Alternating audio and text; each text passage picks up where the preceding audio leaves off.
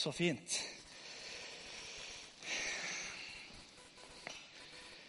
Godt å se dere. Dere har hatt Ja, tusen takk. Dere har hatt en eh, taleserie som har handla om bærekraft. Og For en stund tilbake så fikk jeg en mail fra pastor Eddie om jeg kunne snakke om bærekraftig menighetsliv. Og Jeg har lyst til å henvende meg til forkynnerteamet i menigheten først og si takk skal dere søren meg ha. Jeg har mista mye søvn og mye frustrasjon og holdt på å si jeg rev meg i håret for denne tittelen. Og den siste uka, halvannet, når jeg har med som intensivert skrivinga, så har jeg gått annenhver dag Dere kan spørre Malin om dette etterpå. Fra å gå fra å ha ingenting å si til å ha altfor mye å si. Og tilbake igjen til ingenting å si. Og tilbake. Og når vi satt dere på flyet på fredag, så er det dette helt sant, så hadde jeg fire forskjellige taler som jeg hadde med meg opp, og jeg ble ferdig i går klokka kvart på ett med den talen her. Og når jeg ser ned på det som ligger foran meg nå, så er jeg mer redd for at jeg har for mye å si enn at jeg har for lite å si. Men jeg skal altså snakke om bærekraftig menighet. Og på en måte problemet med dette her er jo at når du kommer til Bibelen og skal finne noe, så har jeg tatt med ei liste til dere over antall bibeltekster som du finner om bærekraftig menighet. Det er ingen. Ikke én gang sier Jesus, og sånn driver dere en bærekraftig menighet. Hadde det vært så enkelt, så kunne jeg jo bare tatt den med. Men det er det da altså ikke. Men det betyr ikke at ikke Bibelen har noe å si om dette spennende temaet. Bærekraftig menighetsliv, bærekraftig menighet. Og Idet jeg på en måte satte meg ned og begynte å forberede meg, så var det ett vers som jeg hadde lyst til å bare ta med, som på en måte la seg for meg som på en måte bare et bakteppe for alt jeg skal si i dag. Og Det er det Paulus som skriver i 1. Korinterbrev 3,11. Der står det at ingen kan legge noen annen grunnvoll og da snakker han om for menigheten enn den som allerede er lagt, nemlig Jesus Kristus. Han er grunnvollen for menigheten. Han er grunnen til at vi sitter her i dag. Han er grunnen til at jeg satte meg på flyet og tenkte at jeg hadde noe å formidle, fordi han er grunnvollen for en bærekraftig menighet. Og det er Jesus himself som jeg tenker gir oss det beste eksempelet på hvordan vi kan leve bærekraftige liv og være en del av et bærekraftig menighetsfellesskap. Og Det er med utgangspunkt i Jesus sjøl og hans sitt liv og hans tjeneste at jeg skal prøve å sette lys på tre punkter Tre prinsipper som jeg tror at et bærekraftig menighetsliv handler om. Skal vi be. Kjære Jesus, takk for at du er her. Takk for at vi kan få lov til å se til deg og lære av deg hvordan du levde livet mens du var her på jorda. Og Jesus, jeg tror at du er vår, vårt forbilde, vår inspirasjon til å leve bærekraftige liv og være en del av et bærekraftig fellesskap. Jesus, hjelp meg til å formidle det som er sant og rett om dette temaet. Jeg ber om at du skal åpne hjertene våre for hva du har lyst til å si til oss i formiddag. I Jesu navn. Amen. Bærekraftig menighet. Ordet bærekraft det er jo liksom ofte brukt sammen med bærekraftig utvikling og natur eh, og passe på jordkloden og sånn at vi lever bærekraftig i den forstand at vi lever holdt på å si, miljøvennlig. Og En definisjon jeg fant på bærekraft, var at bærekraft handler om å imøtekomme dagens behov for dagens generasjon uten å redusere mulighetene for framtidas generasjon. Så det handler altså om at vi må sette noen grenser. Vi kan ikke bruke ressursene opp sånn at vi ødelegger for de som skal komme etter. Et bærekraftig liv, en bærekraftig menighet, kan ikke bare holde hjulene i gang dette året. men skal vedvare sånn at de som kommer etter, skal kunne ta del i det samme som vi har fått lov å ta del i. At mine barnebarn skal ha de samme levevilkårene på jordkloden som jeg har. At ikke jeg skal bruke det opp med å drive og fly til Tromsø hver dag. At ikke vi skal bruke opp ressursene. Og Jeg skal som sagt trekke fram tre punkter for hvordan jeg tror at vi kan leve bærekraftig i menighetsfellesskapet. Jeg tror at en bærekraftig menighet må ha tid for mennesket. Og når jeg skrev det ned, så tenkte jeg ja, men Markus, du kan ikke snakke om det. Det er altfor selvfølgelig. Hvis ikke vi har tid for mennesker, hva er det da vi holder på med? Dessverre så møtte jeg meg sjøl i døra fort når jeg begynte å tenke og be over dette. Jeg hadde nemlig en grusom opplevelse på dette kontoret der ute, der jeg følte meg så skamfull over nettopp denne setninga her. Jeg kom på jobb en dag i fjor vinter. På trappa utenfor Frimisjonen sitter det en person som ser ganske sliten ut. Og jeg tenker jeg må stoppe altså det er på trappa på vei til kontoret mitt. Jeg må så å si tråkke over denne personen for å komme inn på jobb. Så jeg spør går det bra med deg. Ja, det går fint, svarer vedkommende. Og så gikk jeg inn, for jeg hadde det så travelt og hadde så mange viktige kirketing jeg skulle gjøre den dagen. Senere på kontoret så tenkte jeg Hæ? Er det seriøst? Har du ikke lest historien om den barmhjertige samaritaner? Jeg er basically presten som går forbi en person som ligger på altså, Men helt seriøst, det er jo krise. På 50-tallet ble det gjort forskning i USA der de sa at på slutten av 80-tallet kommer den gjennomsnittlige arbeidsuka til en amerikaner til å være ca. 20 timer. For nå er det stadig mer teknologi som erstatter menneskene. Vi som lever i dag, vet at det ble ikke tilfellet. Teknologien har utvikla seg, men vi mennesker jobber som aldri før. Vi har erstatta dødtid og hviletid med karriere, velferd, tolvtimersskift, store hus og mangel på dødtid. Nå hører vi Tesla-gründerens Elon Musk sitt evangelium om at ingen har forandra verden på 40 timers uke. Og mange har kommet til tro på dette budskapet. Tid blir en stadig større utfordring for kirka. Og det er ikke bare meg som har erfart dette i Tromsø i 2019. Men allerede for en god del år siden var det en misjonsforbunder med navn Edin Løvaas. Mange av dere har kanskje hørt om han. Han var forfatter, og han har skrevet en bok som heter 'Kristusdisiplet'. Og Lenge så hadde Edin Løvaas fem punkter for hva en Kristusdisippel var. Men helt imot slutten av livet sitt så la Edin Løvaas til et punkt. Et sjette punkt. Da snakker vi en voksen mann, en eldre mann, som allikevel er så klokkeklar at han har en sylskarp analyse av den tida han lever i, og sier dette. En Kristusdisippel er et menneske som forenkler sin livsform for å få tid og overskudd til disippellivet. Edin så at kristne levde det han sjøl kalte stadig mer småborgerlige liv, der underholdning og velferd sto i fokus. Og de fikk stadig mindre tid til disippellivet. Så Edin sier at en disippel i Norge i dag er en som er villig til å forenkle sin livsform. Til å leve mer simplistisk. Til å kvitte seg med noen av disse tidstyvene. For å få tid og overskudd til disippellivet.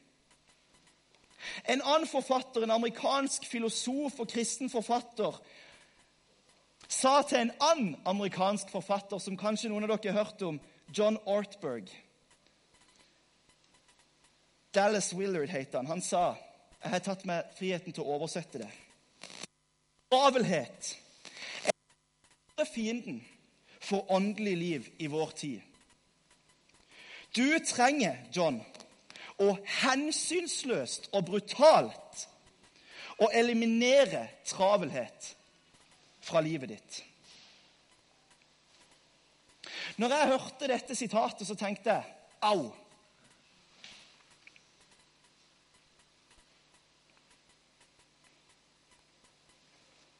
Travelhet er den største, en av de store fiendene for åndelig liv i vår tid. Og jeg tror, som han sier, at skal vi bli kvitt det, så er det en hensynsløs og brutal prosess. Jeg må være villig til å forenkle min livsform for å ha tid til de menneskene rundt meg. Og jeg har vært en sånn person, og jeg er en sånn person som ofte blir så opptatt av å drive menighet at jeg ikke har tid til de menneskene som sitter på trappa. En bærekraftig menighet har tid for mennesket. Og hvis det er én person vi kan se på som hadde tid for mennesket, så var det Jesus. Og han hadde ikke bare tid, men han hadde tid holdt på si i overflod. Han hadde buffertid. Han var en dag på vei for å vekke opp Jairus' datter. Hun lå for døden. På vei til denne ekstremt viktige hendelsen. Tenk å komme med en forstander. Liksom, 'Dattera mi er syk, hun holder på å dø. Kom og hjelp meg.' Og så sier Jesus, 'Ja, jeg kan hjelpe deg.' Og han vet at han har makt til å helbrede. Hvor frustrert ville du da vært hvis Jesus på vei for å helbrede de syke datter stopper opp fordi det er ei dame som er frekk nok til å ta på dusken på kappa si.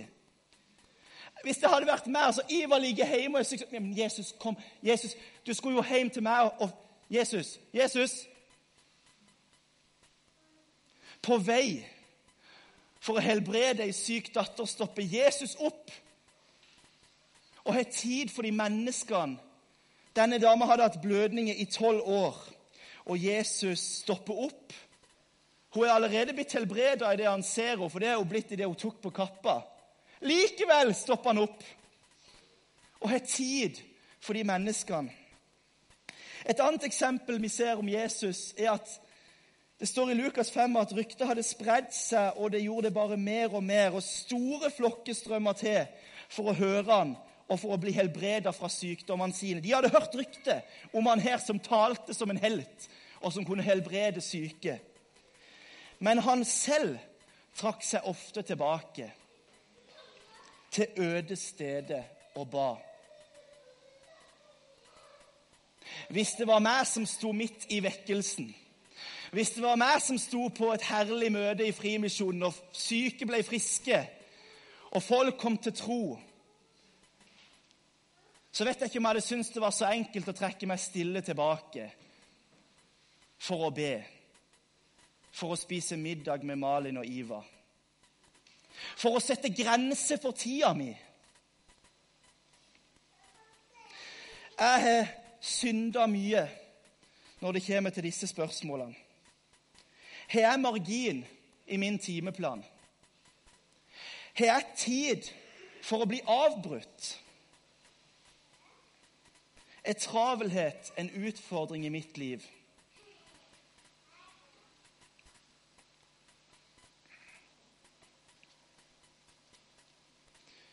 Som ungdomspastor i Misjonskirka så sa mamma det ofte til meg vi må booke tid i kalenderen din for å se deg. Når jeg hørte det da, så ble jeg sur på dem, for de skjønte jo ikke at jeg holdt på å frelse halve Lyngdal. skulle jeg si. For det trodde, det trodde jo jeg at jeg holdt på med. Så dum går det an å bli! Og så travel går det an å bli, òg når det kommer til gode ting. For det å stå i holdt på å si, vekkelsen og be for syke, det er jo gode ting. Men Jesus gir oss et eksempel til etterfølgelse for et bærekraftig liv og en bærekraftig menighet om at Vi må ha tid for menneskene rundt dere. Det neste punktet jeg skal videre til, er at en bærekraftig menighet tenker langsiktig. Paulus skriver i 1. Korinterbrev 3 at 'jeg planta, Apollos vanna, men Gud ga vekst'. Videre i vers 10 skriver han i kraft av den nåde Gud har gitt meg, la jeg grunnvollen som en klok byggmester. Så sto denne setninga så ut for meg. En annen bygget videre. Men hver enkelt må være nøye med hvordan han bygger. En bærekraftig menighet tenker langsiktig. Jeg planta, en and vanna. Dette får meg til å tenke er jeg villig til å legge ned tid og ressurser og penger og krefter i å så noe som jeg sjøl kanskje ikke vil høste fruktene av? Er jeg villig til å starte på et byggverk som noen andre skal fortsette på? Én planta, én vanna. Jeg la grunnvollen, en and bygga videre. Vi har ikke sådd noen tre i den hagen som vi har nå i Stavanger. For det første så er det ikke vår plen, så jeg er ikke helt sikker på hvor god jord det hadde falt i hos de som eier huset. Men vi har ikke planta et tre der, fordi hvorfor skulle vi gjøre det? Vi bor jo ikke der når det treet er klar for å spise frukten av.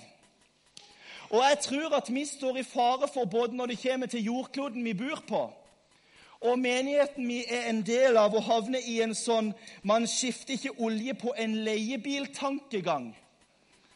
Nemlig at 'hvorfor skal jeg gjøre det i dag', når jeg ikke er rundt for å se resultatene? Jeg kjenner at det utfordrer meg at en bærekraftig menighet handler om at jeg trenger å legge ned min egoisme for å være med og bygge noe som jeg kanskje ikke sjøl vil høste fruktene av. Én planta, én vanna. Er du villig til å legge ned arbeid for noe du sjøl kanskje ikke vil høste fruktene av? Og ser vi på mange av de store trosheltene i Bibelen, så var det flere av de som fikk oppdrag av Gud. Moses skulle lede folket inn i det lovede land. Men han fikk ikke lov til å bli med sjøl. Og flere av de som vi leser om, har den samme opplevelsen. Jesus sjøl starta på mange måter noe som han sjøl ikke på en måte fikk være med på helt til slutt.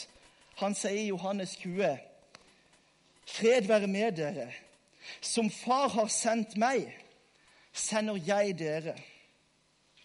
Så åndet han på dem og sa, ta imot Den hellige ånd. Jesus samler basically sammen et menighetsplanteteam. Og på innstiftelsesdagen så stikker han så gir han dem Den hellige ånd og sier, som far har sendt meg, sender jeg dere Frimisjonen i Tromsø. Jeg Er villig til å tenke langsiktig om min tjeneste? Er jeg villig til å plante noe i dag som jeg sjøl ikke får høste fruktene av?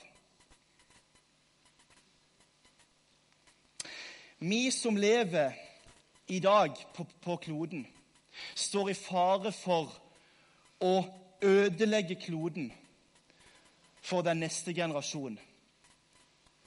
La det ikke bli det samme med kirka.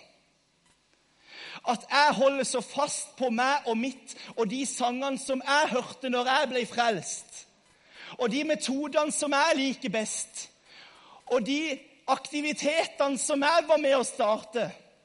Og nå snakker jeg ikke bare til dere som er litt voksne, nå snakker jeg til meg sjøl. For selv om jeg bare er 25, så merker jeg det at det er noe spesielt med det som, som var når jeg nettopp hadde valgt å følge Jesus. Og jeg har det samme i meg, at jeg lener meg mot disse tingene. La oss ikke bli en sånn menighet som ser til vår egen navle, men som tenker langsiktig, som tenker med et evighetsperspektiv, som tenker at det jeg legger ned i dag, det er ikke sikkert jeg får lov til å se fruktene av det sjøl, men mine barnebarn, mine tippoldebarn, skal en dag få se.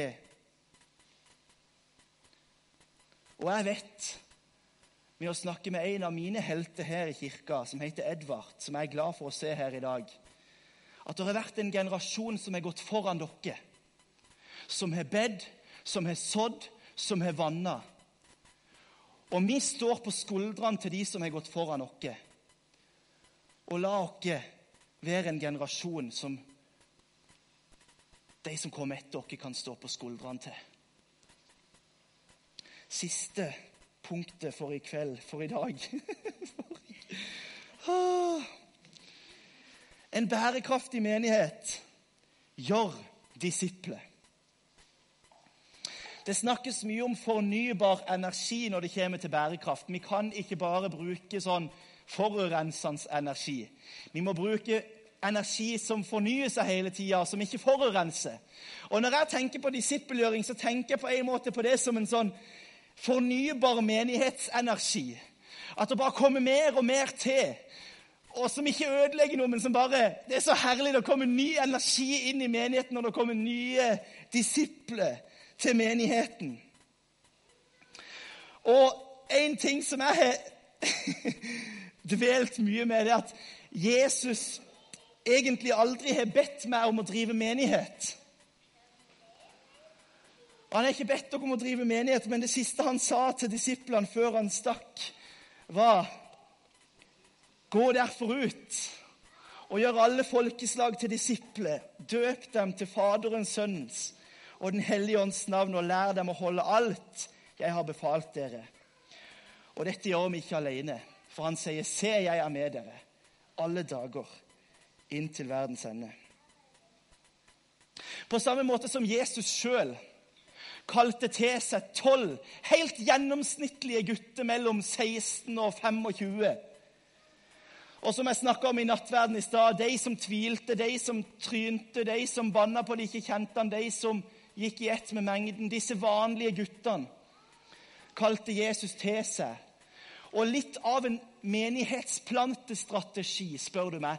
For jeg har mange ganger lurt på hvorfor gikk ikke Jesus i gang med det som Paulus senere begynte på? Hvorfor begynte ikke Jesus å plante menigheter?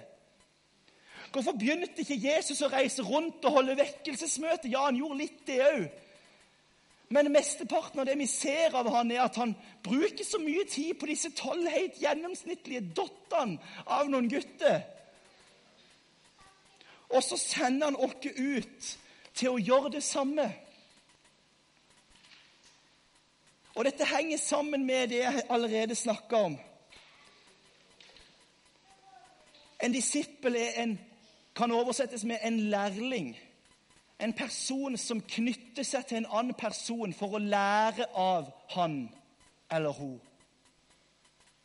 Har du knytta til deg noen personer som kan lære av dine feil og mangler? Av dine styrker og svakheter? Som du kan fortelle om alle de gangene som det ikke gikk som du hadde tenkt? Som du kan fortelle om alle de gangene som du fikk lov til å erfare at Jesus holder. Som du kan få lov til å dele dine skuffelser og nederlag med. Som du kan få lov til å dele dine oppturer og glede sammen med. Har du knytta til deg noen mennesker? En bærekraftig menighet gjør disipler. Når jeg tok teologistudiene mine, så hadde jeg en som heter Truls Åkerlund, som er pastor i Salt Skien. Og han foreleser på Høgskolen for ledelse og teologi, og han sa noe til meg som gjorde veldig inntrykk på meg. Det kommer opp her. Kanskje noe av problemet vårt ligger i at vi tenker at vi skal bygge menighet, og Jesus skal gjøre disipler, mens realiteten er at vi skal gjøre disipler, og Gud skal bygge sin menighet. Og Man kan kanskje si at det er to sider av samme sak. Men for meg så opplever jeg at det er et vesentlig fokusskifte i om fokuset mitt ligger på å bygge menighet og organisasjon og Excel-ark og aktivitet, eller om fokuset mitt er på menneskene som Gud har betrodd meg, som jeg møter i min hverdag, som jeg ser på butikken, som jeg sitter i husgruppe sammen med. Jeg møter menighetsplantere som er så opptatt av å få de strukturelle tingene i menigheten på plass at de har mest ikke tid til folk. De har brukt så mye tid på Instagrammen til kirka at de hadde ikke tid til å invitere naboen på middag. Hva om Frimisjonen sa i dag La oss gjøre disipler. Så skal vi stole på at Gud vil bygge sin menighet med de folkene som er her. Og Jeg har noen spørsmål til dere om dette punktet òg. Hvem er mine disipler? Det har egentlig overraska meg litt hvor mange som kan gå i kirka i 30 år og lese Bibelen, se Jesus sine tolv disipler og kunne bibelversene på rams uten at de kanskje har stilt seg det spørsmålet hvem er egentlig mine disipler? Hvem er det jeg investerer tida mi Hvem er det jeg inviterer tett på livet mitt? Hvordan kan jeg gjøre disipler i min hverdag? For Når du hører at du skal gjøre disipler, så tenker du at det var enda en ting å legge til timeplanen. Og så sparker det beina under det første punktet om at ja, men da får jeg ikke tid til det andre jeg gjerne skulle ha gjort. Jesus inviterte tolv ganske gjennomsnittlige gutter til å bare være med han på det han gjorde. Og jeg tror at du kan få lov å invitere med deg folk på det som du holder på med. Inn i din hverdag, inn i ditt kaos. Inn i det huset som skulle ha vært vaska for en og en halv måned siden. Så kan du få lov å invitere mennesker tett på ditt liv. Bærekraftig menighet. En bærekraftig menighet har tid for mennesket. Tenker langsiktig og gjør disipler. Skal vi be til slutt. Kjære Jesus, tusen takk for at du har gitt dere ditt eksempel til etterfølgelse når det kommer til å leve bærekraftige liv og være en del av bærekraftige fellesskap. Jesus, jeg står her nå og så tenker jeg dette her er mye å ta inn over seg. Dette kan være vanskelig. Det er én ting å høre det, det er én ting å prate om det. Men så var det det å få det ut i livet.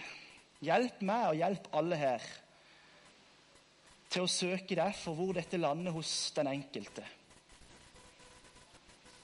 Jeg ber om visdom til at hver og en av dere kan om så ta tak i ett av punktene. Og med din hjelp og din visdom leve bærekraftige liv som igjen utgjør bærekraftige menigheter. Hjelp oss å ha tid for hverandre. Hjelp, hjelp oss å tenke langsiktig. Og hjelp oss å være disipler som gjør nye disipler. I Jesu navn. Amen.